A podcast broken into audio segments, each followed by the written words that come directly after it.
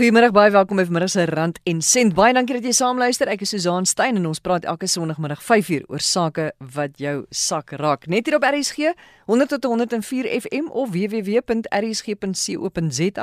of die DStv audio kanaal 813.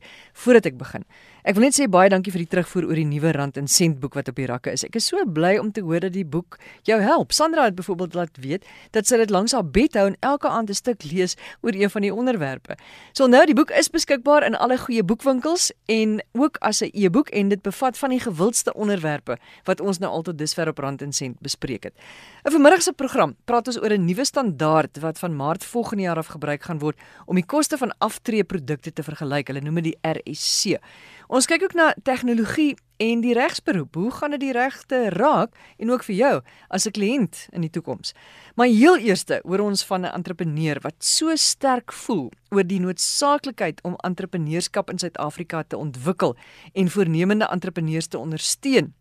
Dat hy 2000 km, meer as 2000 km deur die land gaan stap en ook 'n aanlyn projek loods om entrepreneurs te help, want Ons as Suid-Afrika is baie ver agter die res van die wêreld as dit kom by entrepreneurskap en die ontwikkeling van entrepreneurs. Nou dis Dr Nico de Klerk, hy is uitvoerende hoof van die Street Biz Stichting. Hy begin op 18 Julie, dis Mandela Dag, 'n simboliese staptog wat oor 100 dae gaan strek. Dr de Klerk, hoekom? Susan, ons groot uitdaging wat ons het is om die realiteit te sien van Suid-Afrika. En uh die groot belangrikste punt is die feit dat Suid-Afrika gewaardeer word onder op die leer in terme van entrepreneurskap prestasie. En dan praat ons nou maar net van die Afrika lande, is Suid-Afrika heel onder. Die tweede statistiek wat uh, hierdie stap noodsaak is, die feit dat Suid-Afrika as die nommer 1 land in die wêreld gereken word in terme van skeiding tussen ryk en arm. Daarom hierdie besluit dan nou van hierdie stappery, want dit is basies 'n simboliese handeling om uh, te konnekteer met die hele erfenis wat ons het van Nelson Mandela met sy long walk to freedom. So dit is baie belangrik om die simboliese waarde te sien daarvan. Nou die stapreis van 2600 en plus kilometer van gebou na na die parlement toe. Die bedoeling daarvan is om 'n vonk te veroorsaak in terme van die denke in die gemeenskappe uh, langs die roete ten opsigte van entrepreneurskap en dan het Striebe Stichting die doel om hierdie vonk om te sit in 'n in 'n in 'n fee as ek dit so kan stel met ehm um, toeganklike digitale opleiding en kunsmatige intelligensie. So daar is 'n langtermynvisie. Uh dokter de Klerk die roete wat jy gaan aanpak want jy begin nou by die Unie gebou en jy stap Kaap toe dit is nog al 'n hele entjie soos jy sê dis uh, 2600 en iets kilometer. Uh, wat is die roete? Wat is die net so vinnige paar dorpe wat jy miskien gaan aandoen? Van die gebou is dit eers uh, Diepsloot toe, Cosmos City, drie dae in Soweto, Sharpeville en dan so af deur die Vrystaat, Heilbron, Ryds, Bethlehem, Ficksburg, Wepener, Stastron. Dan gaan dit so af na alhoewel noord, Burgersdorp toe, Middelburg, Graafrenet, Graafrenet af tot by Uniondale, uh oor Willowmore dan af van die landloof ek het nou maar die roete bietjie langer gemaak as gevolg van die eind einddatum so in die landloof af en dan word nou stap ek weg van die Kaap af tot by Kareedou en dan af na die N2 toe en dan so terug Plettenberg Bay Sedgefield Nysna George Mossel Bay dan so oor die berge terug Oudtshoorn toe met Oudtshoorn so al langs roete 62 die bekende mooiste roete uh, en dan van Karlsdorp of so na Verliesdorp toe. Verliesdorp Franshoek, Stellenbosch en dan Kaapse vlakte by Langa, Qtown se plekke tot uh, dan in die Kaap. En wat is jou plan as jy nou by hierdie dorpies aankom? Jy weet wat wat wat gaan gebeur daar? Ja, dis baie belangrik. Dis waar met die meeste van die tyd werk. Dit is nou om hierdie vonk aan te steek. So uit die aard van die saak saam met die stappery is dit nou nie 'n hele dag werk nie. Dit is kort insette.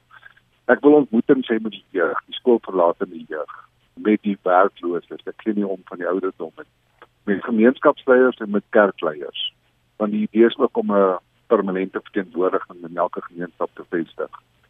En hierdie roete word dan gebruik as 'n bemarkingsgereedskap na die res van Suid-Afrika se gemeenskappe. Dit is so die idee is om 'n nasionale netwerk daar te stel van uh, Streepus uh, stigting.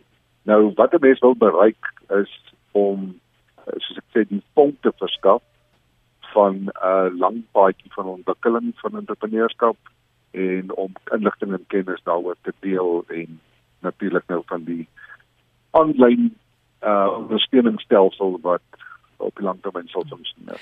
Nou die aanlyn akademie wat jy wat jy nou aan die stig is of aan die vestig is en en en dit is uiteindelik die die groot plan. Wat beteken dit? Wat behels dit? Ek dink mens moet eers verstaan dat ons sit met 'n geweldige uh, uitdaging rondom ons opvoedingsstelsel. So hierdie mag net sowel ontwikkel in 'n alternatiewe opvoedingsstelsel in Suid-Afrika. Ons nood is te groot, ons getalle is te groot en ons onderwys kom nie daarby uit nie. Almal erken weet dit. So hierdie is om 'n stelsel daar te stel wat 'n plaasvervanging kan werk, aanvullend kan werk, 'n alternatief kan skep. Uh waar mense 'n eie rigting met ander woorde ontwikkel. Nou ek wil graag hê dat mense denkie moet sien dat enige mens kan gaan sit en sê ek begin hierdie roete loop aanlyn waar ek my eie opvoedingspad ontwikkel. En dit is hoekom kunsmatige intelligensie so belangrik is want dis 'n komponent wat dit inbring dat elke persoon kan letterlik 'n eie roete ontwikkel na sy eindbestemming toe waar hy 'n sertifikaat kry. So dit is dis eintlik vreeslik maklik en dis baie opwindend en ek kry te doen met die beste van ons tegnologiese eksperts in hierdie land in die verband. Dit klink vir my soos iets wat ek meen jy het hierdie ding begin, dit was jou droom, maar dit klink vir my soos iets waarby gewone mense soos ek ook by betrokke kan raak miskien. As ek 'n vaardigheid het wat ek met iemand kan deel of as ek 'n vaardigheid soek, dan kan ek aanklop by jou en sê, jy weet, kan ek saam doen, kan ek meedoen? Dis ek dink dit het nog 'n verskriklik opgewonde die tegnologiese moontlikhede wat ons reeds het wat ons nie genoeg raak sien en waardeer nie. Waar enige iemand kan 'n bydrae maak As jy net dink hoe rigtings is daar om te ontwikkel en by almal het 'n mens iemand nodig wat as 'n begeleier, 'n coach kan optree wat inligting, kennis kan deel op hierdie oop stelsel dan kan enige iemand 'n bydrae maak en uh, of verbeter op 'n vorige poging. So dit is met ander woorde om die gemeenskapspotensiaal, dit wat ons het. Ons land is so aan bronne en kennis maar om die platform te skep waar dit alles bymekaar kom dis wat tegnologie vandag moontlik maak. En as ek vreeslik eerlik hieroor moet wees met my ervaring weet sit in oor 17 lande in Afrika en dan gaan ander Afrika lande ons op hierdie stadium verby tegnologie. En ons moet daar regop sit en die geleentheid onmiddellik aankry. Dokter de Klerk nou ek neem aan 'n mens moet nogal fiks wees as jy nou so 2000 km gaan uh, begin stap is jy besig om hard te oefen? Ehm um, ja, en jy moet baie ingestel wees op ehm um, jou liggaam. So ek word baie bewus van goed wat ek voorheen nog nooit van bewus was nie wat gemonitor word. Mens kyk in absolute detail na jou eie liggaamsfunksionering en om die balans van verskillende dinge uh, daar te hou en daar te stel. Ek besef hoeveel van die hele projek is op jou en net gesetel op jou en in my hoe my liggaam gaan funksioneer en reageer. Nou baie mense praat net hoe moet jy nou vir 2600 km jy kan eintlik nie. Maar jy kan wel iets doen. Die belangrikste komponent is om jou eie denke reg instel te kry. Dis die beste wat jy kan doen. Ek het daar gesprekke met 'n persoon wat nou die 8 hoogste pieke in die wêreld gaan klim het, weet, Everest, K2 en af van die ander. En dan maak daardie gesprekke dat jy goed identifiseer wat jou eie denke versterk, stimuleer. So om daai ingesteldheid te kry is baie belangrik op jou institusie. Ons almal ken die uitdrukking van mind over matter. So dit is om in daai spasie in te beweeg waar jy gefokus raak en dit bring goed in 'n mens na vore wat normaallik nie daar is nie. Baie dankie dokter Nico de Klerk. Hy is die uitvoerende hoof van die Streetbus Stichting en hy begin dan op 18 Julie met hierdie groot staptog van hom oor die 2600 km. Begin by die Unie gebou in Pretoria en hy eindig by die Parlement in Kaapstad. Nou in die finansiële wêreld word reeds gebruik gemaak van robotadvies of robo-advies om klante van finansiële raad te voorsien. Maar hoe lyk tegnologie of die gebruik daarvan in die regsberoep? Nicoline Skuman Lou is van Skuman Law ingelyf en Nicoline, gee ons 'n idee asseblief. Ek dink die buzzword van ons tyd, uh, van die huidige tye is definitief woorde soos tegnologie, artificial intelligence in Engels en dan disruption ook in Engels. Dis dis iets wat ons op sosiale media sien amper daagliks in in alle industrieë en ehm um, dit is besig om so wyd as die die regsprofessie ook te versprei. Waar ons die vrae moet begin vra van waarheen gaan al hierdie dinge? Wat beteken dit vir ons as verbruikers? Wat beteken dit vir ons as as diensverskaffers, as prokureurs? En hoe moet ons aanpas in hierdie tye om om seker te maak dat ons ons kliënte op 'n veilige en 'n uh, 'n goeie manier aanhou diens gee en advies gee? So as ons nou kyk in in alles wat in ons industrie aangaan as die regsprofessie, is iets wat van die van die firmas begin implementeer goed soos e-blootlegging of e-discovery in Engels. Nou dit is 'n proses wat ons as prokureurs ehm um, gedurende hofgedinge gebruik en dit vergemaklik die verwerking en en kategorisasie van groot volumes data of groot volumes dokumente. Mm -hmm. En oor see is dit al vir, vir baie jare een van die kosbare uh, aspekte wat hulle gebruik om om die tyd wat bestee word en die koste verbonde aan daardie prosesse af te bring vir die verbruiker. En in baie gevalle is dit ook baie meer akkuraat as die menslike oog um en die menslike interaksie om om dit te moes deurwerk. So dit dink ek is 'n is 'n baie goeie platform, maar ongelukkig nog van 'n prysperspektief af vir baie firmas 'n bietjie buite bereik dan sien ons die artificial intelligence en dit dink ek is is 'n groot debat in op sigself waar ons sien oor see dat alreeds sekere regsvrae op platforms geantwoord word deur essensieel sagte ware of 'n rekenaar. En dit kan vra wees oor see soos byvoorbeeld ek het 'n spoedkaartjie of 'n spoedboete gekry wat staan my nou te doen? So jy bedoel hier dat jy weet ek as die publiek kan gaan en ek kan iewers aanlyn gaan en hierdie vrae gaan vra en ek gaan hierdie ja. mate van regsadvies kry. Dit is waar dit oor see alreeds staan en ek weet vir 'n feit in in in Groot-Brittanje het hulle al vir 'n geruime tyd 'n platform wat verkeersoortredings in die algemene vrae daaromtrent um, op hierdie manier gratis aan die publiek antwoord of teen 'n minimale koste, 'n koste wat geen prokureur byvoorbeeld mee sal kan kompeteer op 'n konsultasiebasis nie. Ek dink baie goeie dinge kan daar uitkom, maar ons moet ook ons moet seker ook 'n bietjie pessimisties wees en die vraag vra, wat gebeur as die masjien vir jou die verkeerde antwoord gee? Ja. Wie is verantwoordelik? Dan is tog tog wel 'n persoon wat wat die sagte ware geskep het maar waar sou jou aksie lê as jy voel jy het slegte leiding of advies gekry? En tot 'n groot mate is dit wat wat ons in Suid-Afrika tans mee sukkel en die debat wat ons tans aan die gang het. Van die firmas is besig om te kyk hoe mense op 'n verantwoordelike manier dit kan aanbied en ten minste van die funksies, die adviserende funksies op 'n veilige ja. en 'n koste 'n goedkoper koste ja. basis kan beskikbaar maak aan die publiek. So hierdie is amper soos 'n soort ons het al gepraat daaroor op Rand en Sent, ons het gepraat van 'n robo of robot advies wat hulle in die finansiële wêreld gebruik waar jy gaan ook na 'n finansiële instelling of maatskappy se webblad toe en daar kan jy dan nou finansiële advies gaan kry deur sekere goed in te vul en jy kan amper met hierdie robot 'n gesprek voer of daar is ook iemand aan die ander kant met wie jy 'n gesprek kan voer. So hierdie is basies dieselfde dieselfde ding, maar nou net in die regsberoep. Ja, dis dis tipies dieselfde. En en ek moet moet ook hierby sê ek dink ek dink ons moet moet 'n opinie vorm dat alle tipes advies nou vervang gaan word deur robotte of masjiene of rekenaars en dies meer nie. Ek dink ons moet moet mooi mooi uitkom waar hier 'n plek voor is en en sien waar die plek van die prokureur miskien van die toekoms gaan wees. En en dit is regtig om te sê amper stapsgewyse vraag kan goed beantwoord word deur so 'n stelsel. Byvoorbeeld, ek wil 'n eiendom oordra, ek het sopas 'n eiendom gekoop. Hoe hoe doen ek dit? Wat hoe lyk die proses? En dat dat dit vir jou dan sê stap 1 is om dit te doen 2 3 4 ensovoorts. Hmm. Wanneer jy 'n uh, 'n lineêre uitkoms benodig.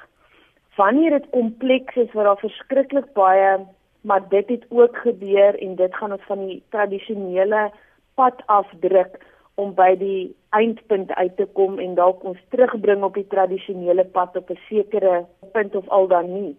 Wanneer jy 'n wyeer spektrum nodig het van probleemoplossing glo ek nie dat hierdie tegnologie nou al reg is miskien in die toekoms maar definitief nie in 'n baie toekoms nou al reg is om daardie funksie te vervul in in daardie opsig dan heeltemal die adviserende rol van 'n prokureur of 'n regsgeleerde heeltemal uit te, uit te neem nie Nicoline, is dit al beskikbaar in Suid-Afrika? Is daar al plekke of gaan 'n mens soos wat jy na 'n spesifieke finansiële instelling se webblad toe gaan, gaan jy hier ook na spesifieke prokureursfirma se webblaaie toe? Ek het in die media gesien so so 'n paar dae gelede dat een van die groot firmas besig is met toetsing op 'n soortgelyke platform, maar sover my kennis strek is dit nou nog nie beskikbaar in Suid-Afrika nie.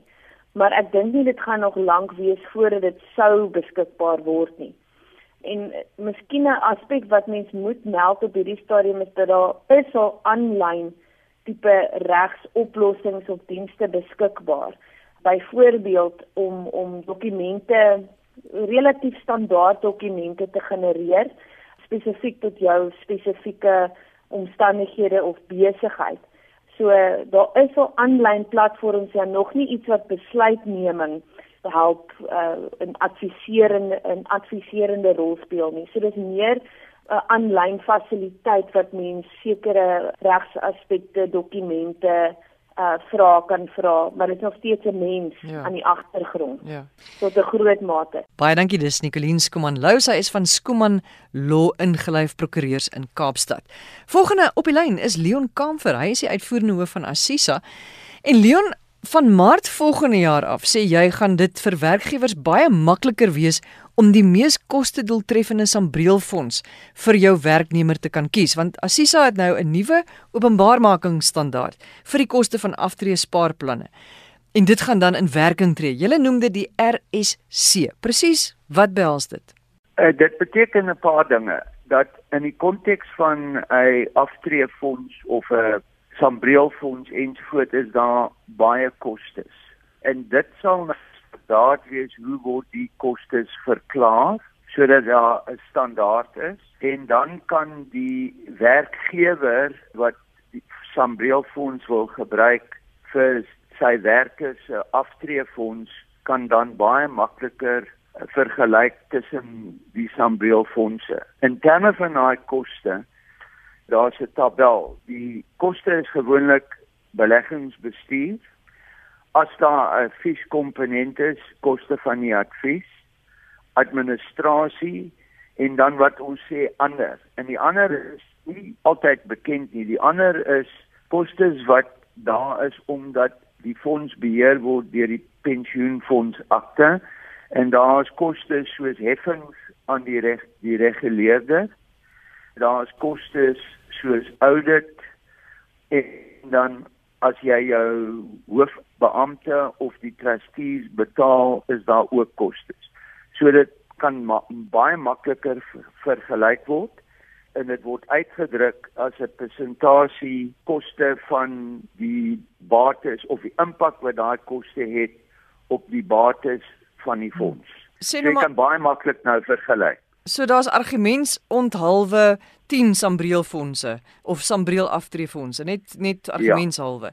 So julle kan nou gaan en met hierdie tabel kan hulle gaan ja. sit en hulle gaan kyk, okay, hierdie is fonds 1, dit gaan ons soveel kos. Dis fonds 2, dit gaan ons soveel kos en hierdie is die is die goedkoopste beste fonds en dan kan hulle besluit om daai fonds te gebruik. Absoluut. Maar hoe het julle hierdie En die groot ding hierso is dit dis 'n standaard wat uh die Sambreel Fonds uh moet aanvaar en want baie van die kostes heidaglik is in verskillende emmertjies. So dis baie soms moeilik om uit te vind wat jy vergelyk met wat. Hoe het julle hierdie standaard saamgestel? Hoe het julle dit saamgestel, opgestel sodat dit soort van 'n algemene standaard is? Ons loop 'n lang pad want jy sal weet dat aanvanklik het ons wat ons dink is 'n eerste in die wêreld die effekte effective annual cost of die effektiewe jaarlikse koste bymekaar gestel vir kleinhandelprodukte. En hoe werk dit? Jy trek